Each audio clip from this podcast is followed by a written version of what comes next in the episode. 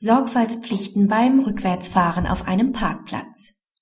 Auch beim Ausparken auf einem Parkplatz spricht der Anscheinsbeweis gegen den Rückwärtsfahrer, wenn es im Zuge des Rückwärtsfahrens aus einer Parkbox zu einer Kollision mit einem geraume Zeit stehenden Fahrzeug kommt. Der Kläger parkte mit seinem Fahrzeug aus einer Parkbucht auf einem Parkplatzgelände rückwärts aus. Er stand danach allerdings bereits geraume Zeit in der Fahrspur in Richtung des Geradeausverkehrs, um seine Ehefrau einsteigen zu lassen. Der Beklagte fuhr beim Rückwärtsausparken gegen das dort stehende Fahrzeug des Klägers. Das Landgericht hat dem Kläger eine Mithaftung im Hinblick auf sein eigenes Rückwärtsfahren angelastet. Diese Auffassung teilte das KG nicht und gab der Klage in der Berufung statt. Das KG verweist darauf, dass die erhöhten Sorgfaltspflichten beim Rückwärtsfahren nach 9 Absatz 5 StVO dem Schutz des Verkehrsraums dienen, in den das Fahrzeug fahren soll und den der Fahrer nicht so gut einsehen kann wie beim Vorwärtsfahren.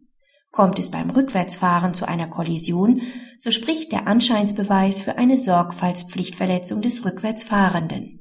Von daher bejaht das KG eine schuldhafte Verursachung des Unfalls durch den Beklagten. Ein Mitverschulden des Klägers hingegen sei nicht bewiesen. Zwar ist auch er rückwärts gefahren, allerdings ist es nicht im Zuge der Rückwärtsbewegung zum Unfall gekommen. Der Unfall hat sich erst ereignet, nachdem der Kläger bereits geraume Zeit im rückwärtigen Verkehrsraum des Beklagten gestanden hatte. Vor diesem Hintergrund haftet nach Auffassung des KG der Beklagte zu 100 Prozent. Praxishinweis. Der Kraftfahrer muss sich vor Beginn der Rückwärtsfahrt vergewissern, ob der Raum hinter dem Fahrzeug frei ist. Dies gilt insbesondere auch für Bereiche, die er im Rückspiegel nicht übersehen kann. Er kann sich im Fall einer Kollision nicht auf eine Sichtbehinderung durch Fahrzeugteile, zum Beispiel Kopfstützen, berufen. Während des Zurückstoßens hat er sorgfältig darauf zu achten, dass kein anderer von der Seite oder von hinten in den Gefahrenraum gelangt. Er muss so langsam fahren, dass er erforderlichenfalls sofort anhalten kann.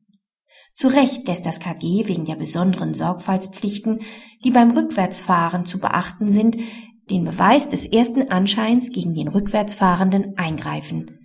Ebenso ist es nicht zu beanstanden, wenn das KG vor dem Hintergrund der besonderen Sorgfaltspflichten des Paragraphen 9 Absatz 5 StVO die Betriebsgefahr des klägerischen Fahrzeugs hinter dem groben Verschulden des Rückwärtsfahrenden zurücktreten lässt.